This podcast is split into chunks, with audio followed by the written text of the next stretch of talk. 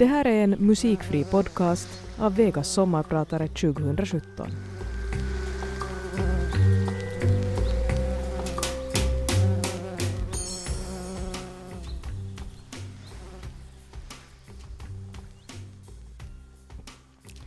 När vi reste iväg kändes det mest bara overkligt.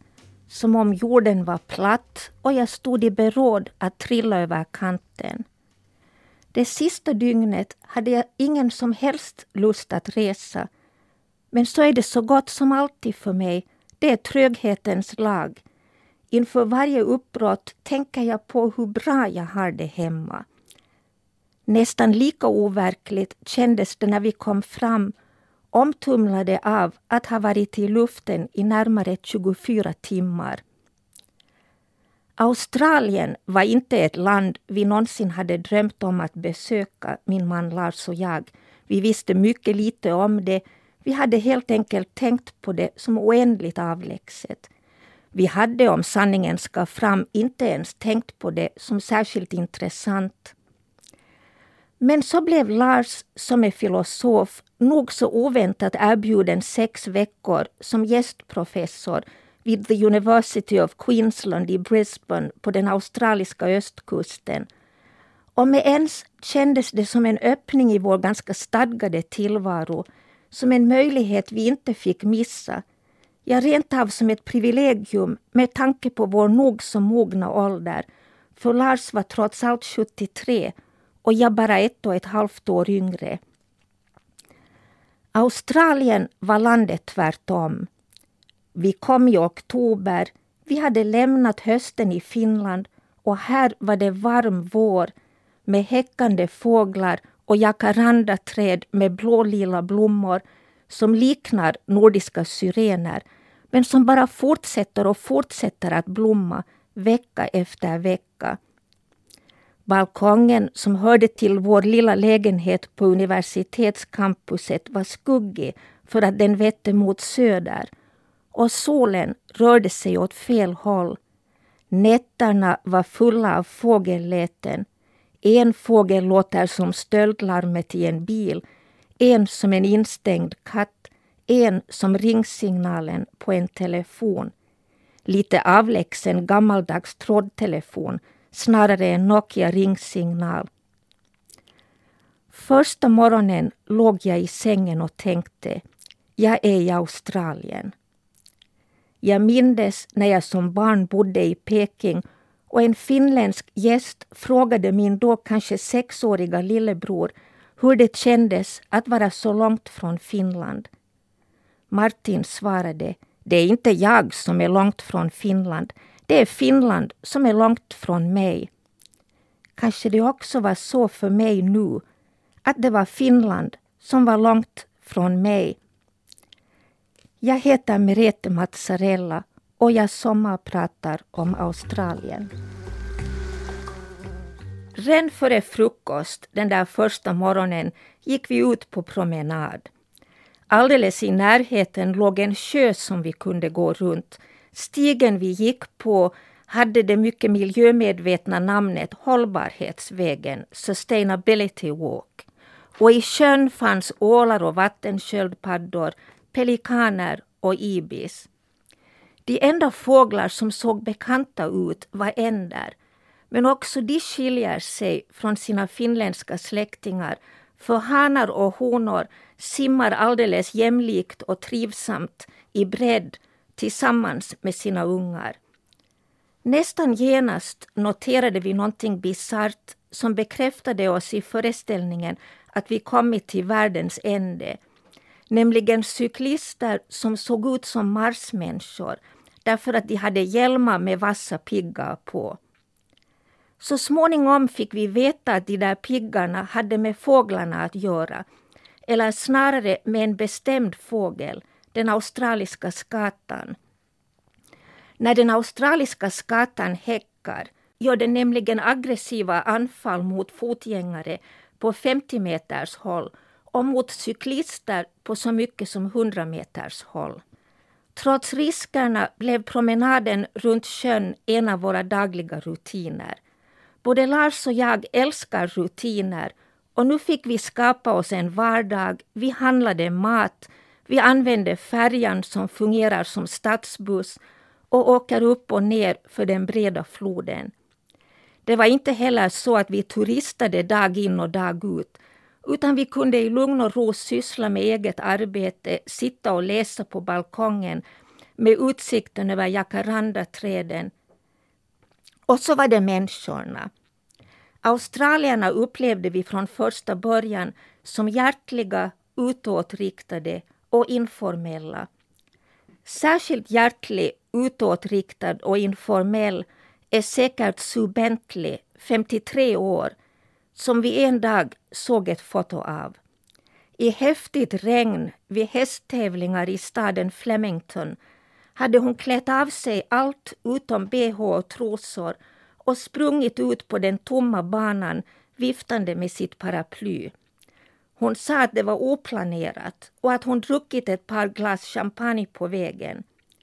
Bildtexten upplyste vidare att hon som ensamstående mamma fostrat fem barn och jobbat i mentalvården. Fotot av henne vann pris och hennes trosor ramades in och auktionerades ut för 250 dollar för välgörenhet. Den pensionerade dam som köpte dem sa att hon ville ha dem som en påminnelse om att det gäller att unna sig att dansa i regnet ibland och att se till att få sig ett gott skratt. Själv fick jag också dansa i regnet, åtminstone nästan. En dag var det tropisk storm. Regnet vräkte ner, ett regn som det inte gick att skydda sig mot. Min nya vän Isabel, som är 40 år yngre än jag, ringde. Hon hade redan ett tag hållit på med vad hon kallar temålningar. Det vill säga, hon hade strött ut teblad, mycket teblad, på tjockt papper och därefter hällt på vatten. Sen hade hon låtit allt sammans torka. Det hade blivit vackra mönster och skiftande nyanser av brunt. Nu ville hon att vi skulle göra en temålning i regnet. Hon kom till oss i bil tillsammans med sin sambo. I tunna sommarklänningar stod vi sen där i det forsande varma regnet. På någon sekund var vi dyblöta och pappret med tebladen lika så. Det var en intensivt lycklig stund. Bilden vi gjorde hänger nu inramad på min vägg här hemma i Helsingfors. Den heter Ett ögonblick i tiden. No worries, inga problem, är den stående frasen i Australien. Beställer man öl på krogen kommer flaskorna snabbt på bordet och först därefter får man frågan om man vill ha glas. Det är alltså helt naturligt att dricka ur flaskan. Beställer man mat är det vanligt att man delar på rätterna. Ingen frågade särskilt mycket om Finland. Jag tror inte det handlade om ointresse. Det handlade snarare om att de visste så lite att de inte ens visste vad de skulle fråga. Den situationen tycker jag att jag själv befunnit mig i med utlänningar. Man är helt enkelt rädd för att göra bort sig med en dum fråga. Våra australiska värdar var generösa med att bjuda hem oss. De tog överhuvudtaget alldeles utomordentligt väl hand om oss. Outtröttligt tog de oss på utfärder till regnskogen eller någon strand eller djurpark. Vid besöket i Brisbanes djurpark hörde vi historien om Darwins sköldpadda. När Darwin 1835 besökte Galapagosöarna med sitt fartyg The Beagle tog han med sig tre sköldpaddor som han kallade Tom, Dick och Harry. Efter en tid i England skeppades Harry iväg till Brisbane. Där visade han sig vara en hon och fick byta namn till Harriet och blev en stor attraktion. 2005 hade hon under stor massmedial uppmärksamhet firat vad som beräknades vara hennes 175 födelsedag innan hon följande år som det stod i tidningarna, dog av hjärtsvikt efter en kort sjukdom. Flera av de människor vi träffat i Brisbane har, som de säger, mött den blick som en gång mötte Darwins. Det är bara det att den blick de mött troligen aldrig mött Darwins. DNA-undersökningar tyder på att Harriet var hemma från en ö som Darwin aldrig besökte. Gör det någon skillnad? Det gjorde ingen skillnad innan man visste att Harriet var hemma från en annan ö. En morgon i början av november såg vi ett halvt dussin känguruer utanför det stora perspektivfönstret i vårt sovrum. Vi var gäster på ett landställe utanför Melbourne. Klockan var inte mer än fem. Det var soluppgång. Ett par stora känguruer stod alldeles nära fönstret. Vi tittade på dem och de tittade lugnt och intresserat tillbaka.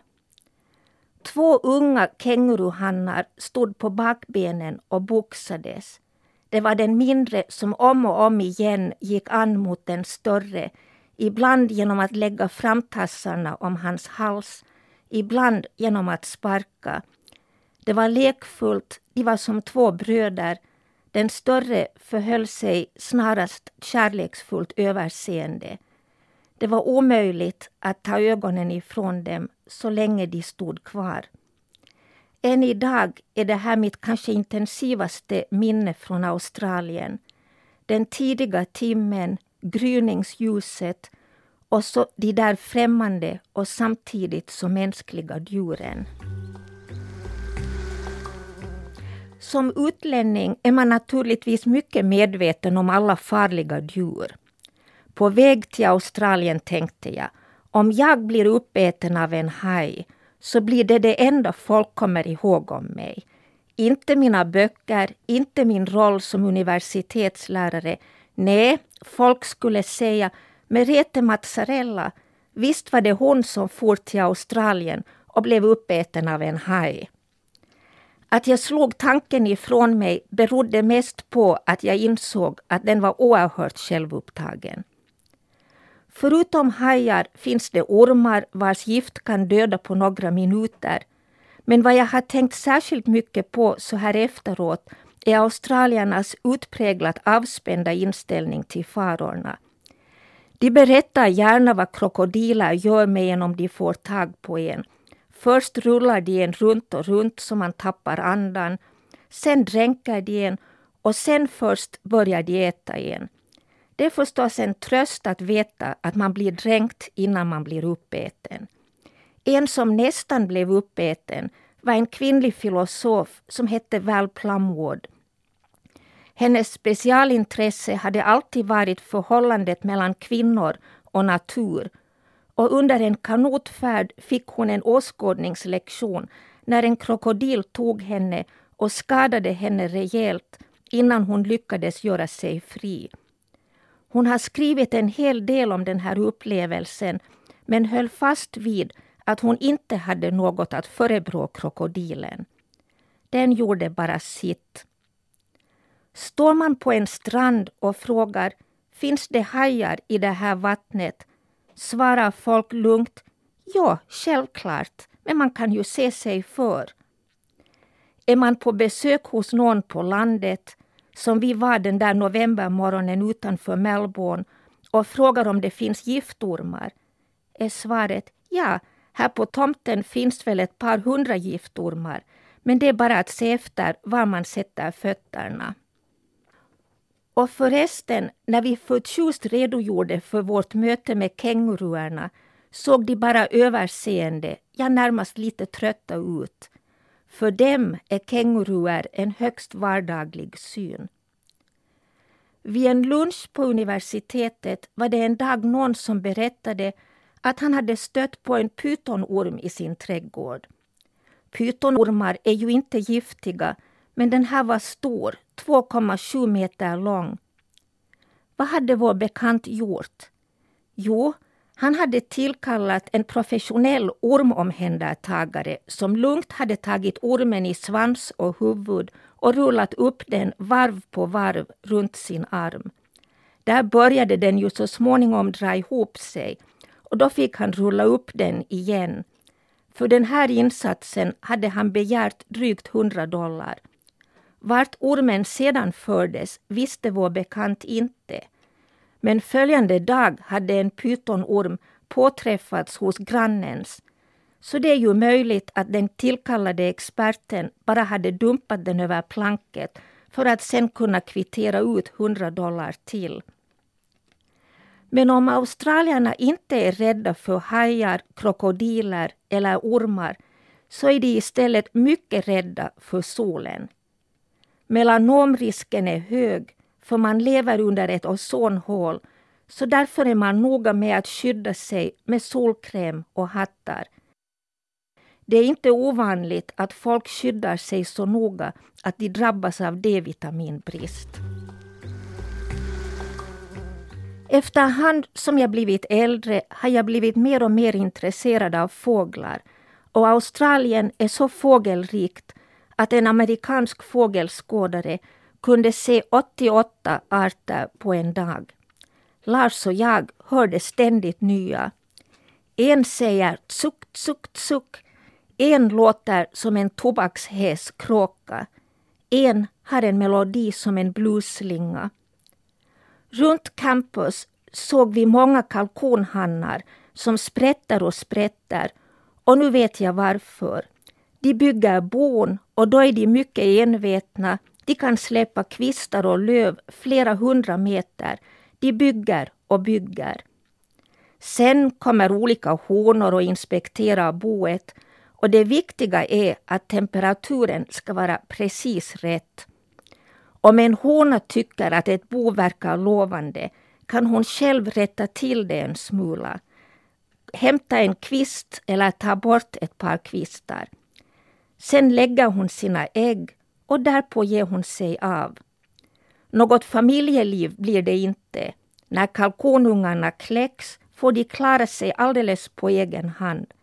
Så gott det nu går. Och för det mesta går det illa. En annan fågel med en intressant livsstil är den indonesiska göken. Den lägger på gökvis sina ägg i andra fåglars bon men sen hänger den där i närheten, följer med hur ungarna växer upp och när de är tillräckligt stora avhämtas de av sina riktiga föräldrar och får resa med till Indonesien. Sedan läste jag en artikel av svensken Tony Nordin och lärde mig mera om den australiska skatan, eller flöjtkråkan som den också heter. Så här skriver Nordin. Flöjtkråkans sång spänner över fyra oktaver och består av övertoner samt finessen att flera toner framförs samtidigt. Dessutom är den en hejare på att härma Andra fågelarter i dess närhet härmas ofta och retsamt av flöjtkråkan som heller inte drar sig för att skälla som en hund eller gnägga som en häst. Den härmar också mänskligt tal och är listig nog att kunna använda denna förmåga till sin egen fördel när det krävs.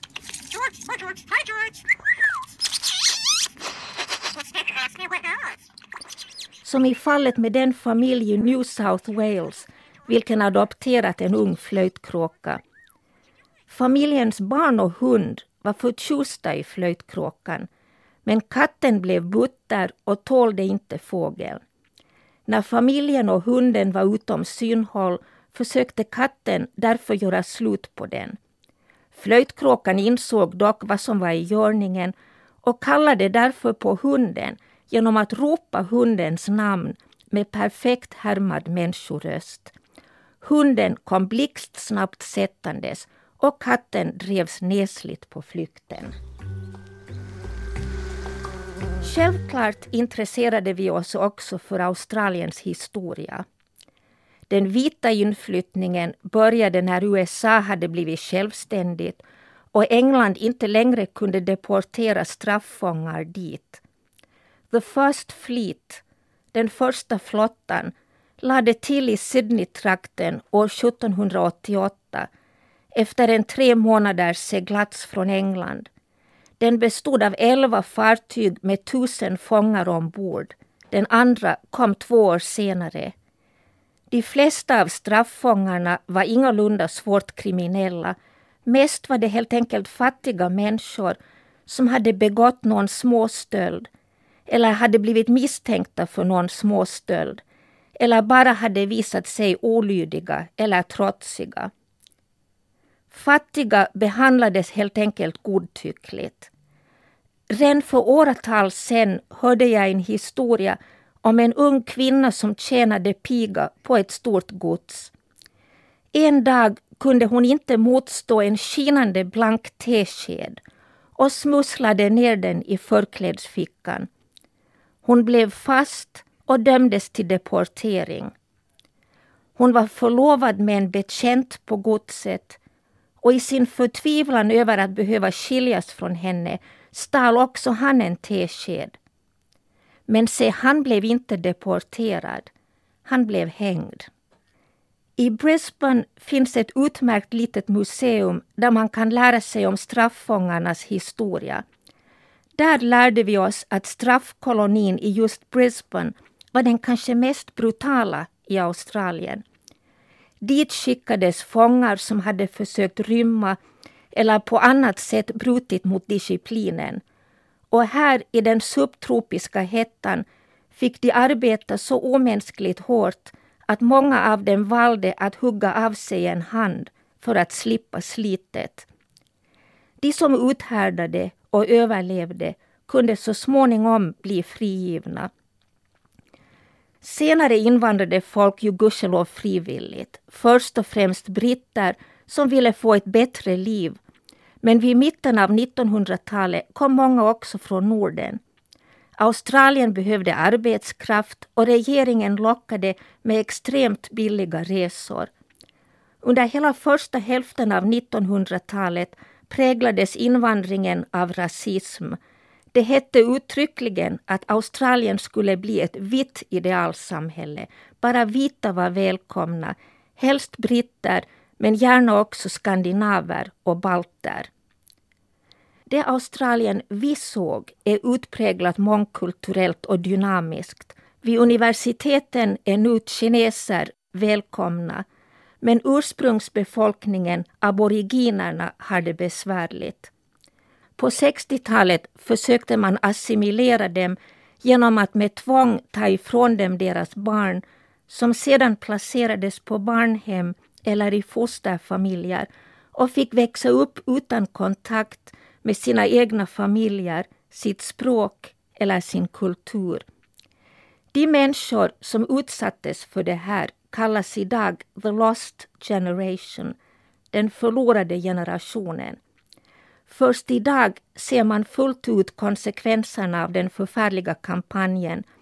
De aboriginer som aldrig fick uppleva ett gott föräldraskap har svårt att vara goda föräldrar själva och det finns mycket familjevåld, mycket alkoholism och annat missbruk. Ingen av våra australiska vänner har något egentligt umgänge med aboriginer. De utgör 4 procent av befolkningen i Queensland men bara 1 procent av studenterna och de som syns på gatorna i Brisbane är till stor del utslagna. För att orientera oss i samhället läste vi tidningar. Det var i en tidning vi såg fotot av Sue Bentley på hästkapplöpning. Det var också i en tidning vi läste om familjen Kidman. I Australien är Kidman inte i första hand filmstjärnan Nicoles efternamn. Det är namnet på hennes släkts boskapsimperium som är lika stort som hela Ungern och därmed utgör en procent av Australiens territorium. Nu skulle det säljas och paniken var stor för ett tag såg det ut som om det skulle hamna i kinesiska händer. Nu har ändå fyra andra av kontinentens största jordägare trätt till och det ser ut som om Kedmans rike förblir australiskt. Att hålla kor och får är överhuvudtaget en del av den australiska identiteten. Och också om rancherna ju ingalunda behöver vara så enorma som Kedmans är de inte sällan så stora att man tar flyget för att komma från den ena ändan till den andra. Men också om Australien är stort är det inte stort nog för att vara välkomnande mot flyktingar. Lars och jag har länge skämts över Finlands asylpolitik. Men Australiens är sannerligen inte bättre. Kvotflyktingar tas visserligen emot men asylsökande spontanflyktingar släpps inte in i landet överhuvudtaget utan har internerats på obestämd tid på två Stillahavsöar, Manus som nu stängts och Nauru. Dit får journalister inte komma men det finns åtskilliga rapporter om elände. Inte bara extremt torftiga levnadsförhållanden utan också om brutala vakter som begår våldtäkter och sexuella övergrepp mot barn. Självmord ska också vara vanliga.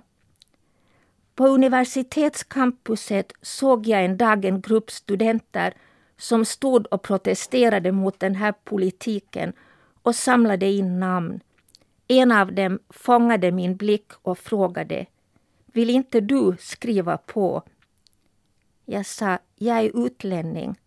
Lugnt och allvarsamt svarade studenten. Men vi är alla en värld. Då tänkte jag igen på hur Finland behandlar flyktingar och så skrev jag på. Veckorna gick. Våren började övergå i sommar. Det blev varmt, ordentligt varmt med 81 procents luftfuktighet. Men på tv såg man påpälsade vitskäggiga julgubbar som beundransvärt nog lyckades se nöjda och gemytliga ut. Och den 19 november var det dags att resa hem. På våra biljetter stod det att vi skulle landa i Helsingfors klockan 0.55, det vill säga 26 timmar senare. Det förekom mig nästan ofattbart att man kan företa en så lång resa och tro att man på minuten ska kunna säga när man är framme. Förr i världen kunde man inte veta vilken dag, kanske inte ens vilken vecka man skulle vara framme. Förr i världen kunde man inte veta vilka som hade dött medan man var borta. Det känns som att vi nu för tiden aldrig lämnar hemmet på allvar. Också i Brisbane läste vi Husis, tittade på TV-nytt, tittade på webcam-bilder av Helsingfors, för att inte tala om att vi hade e-post. Jag minns dagen efter att vi kom hem. Det var en lördag. Klockan var två på eftermiddagen i Helsingfors, tio på kvällen i Brisbane. Det kändes onekligen som om det var läggdags. Jag tänkte på att det är onaturligt att förflyttas så långt på ett dygn.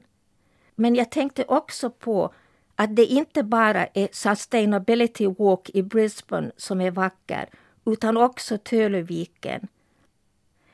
Australien är en ny kärlek, men min kärlek till Helsingfors är gammal och har det djup som bara lång tid kan ge. Till och med en grå novemberdag har Töluviken sin skönhet. Pelikaner och ibis är inte allt här i världen. Jag önskade bara att jag inte varit så sömnig denna lördag eftermiddag klockan två. Framåt jul var jag redo att sammanfatta vad tiden i Australien hade betytt jag är djupt tacksam för att Lars och jag förunnades också denna gemensamma upplevelse och det tillsammans med och genom människor som själva älskade det de visade oss och som fick oss att se och förstå så oändligt mycket mer än vi skulle ha gjort om vi hade tagit oss runt för egen maskin. Mitt Facebook-skrivande den tiden kändes inte som att använda sociala medier. Det kändes som att på 1800-talsvis sitta på ett pensionat där man på sin bildningsresa i Europa stannade några veckor och han skriva långa brev hem. Nu tänker jag mycket på att jag vill fortsätta att leva med öppna ögon, fortsätta att kunna förundras, också här hemma. Till julen köpte jag en liten jordglob, inte större än en vanlig julgranskula. Den påminner mig om Australien. Den representerar den levande insikten om att andra liv hela tiden pågår parallellt med mitt. Att världen är full av möjligheter, också i min och Lars ålder. Och samtidigt påminner den om det han sa den där studenten som protesterade mot Australiens flyktingpolitik. Att det faktiskt är en och samma värld och att vi alla har ansvar för varandra. Jag heter Merete Mazzarella. Jag har sommarpratat om Australien och jag drömmer fortfarande om att ännu en gång i mitt liv få se de australiska jacarandaträdens blålila blommor.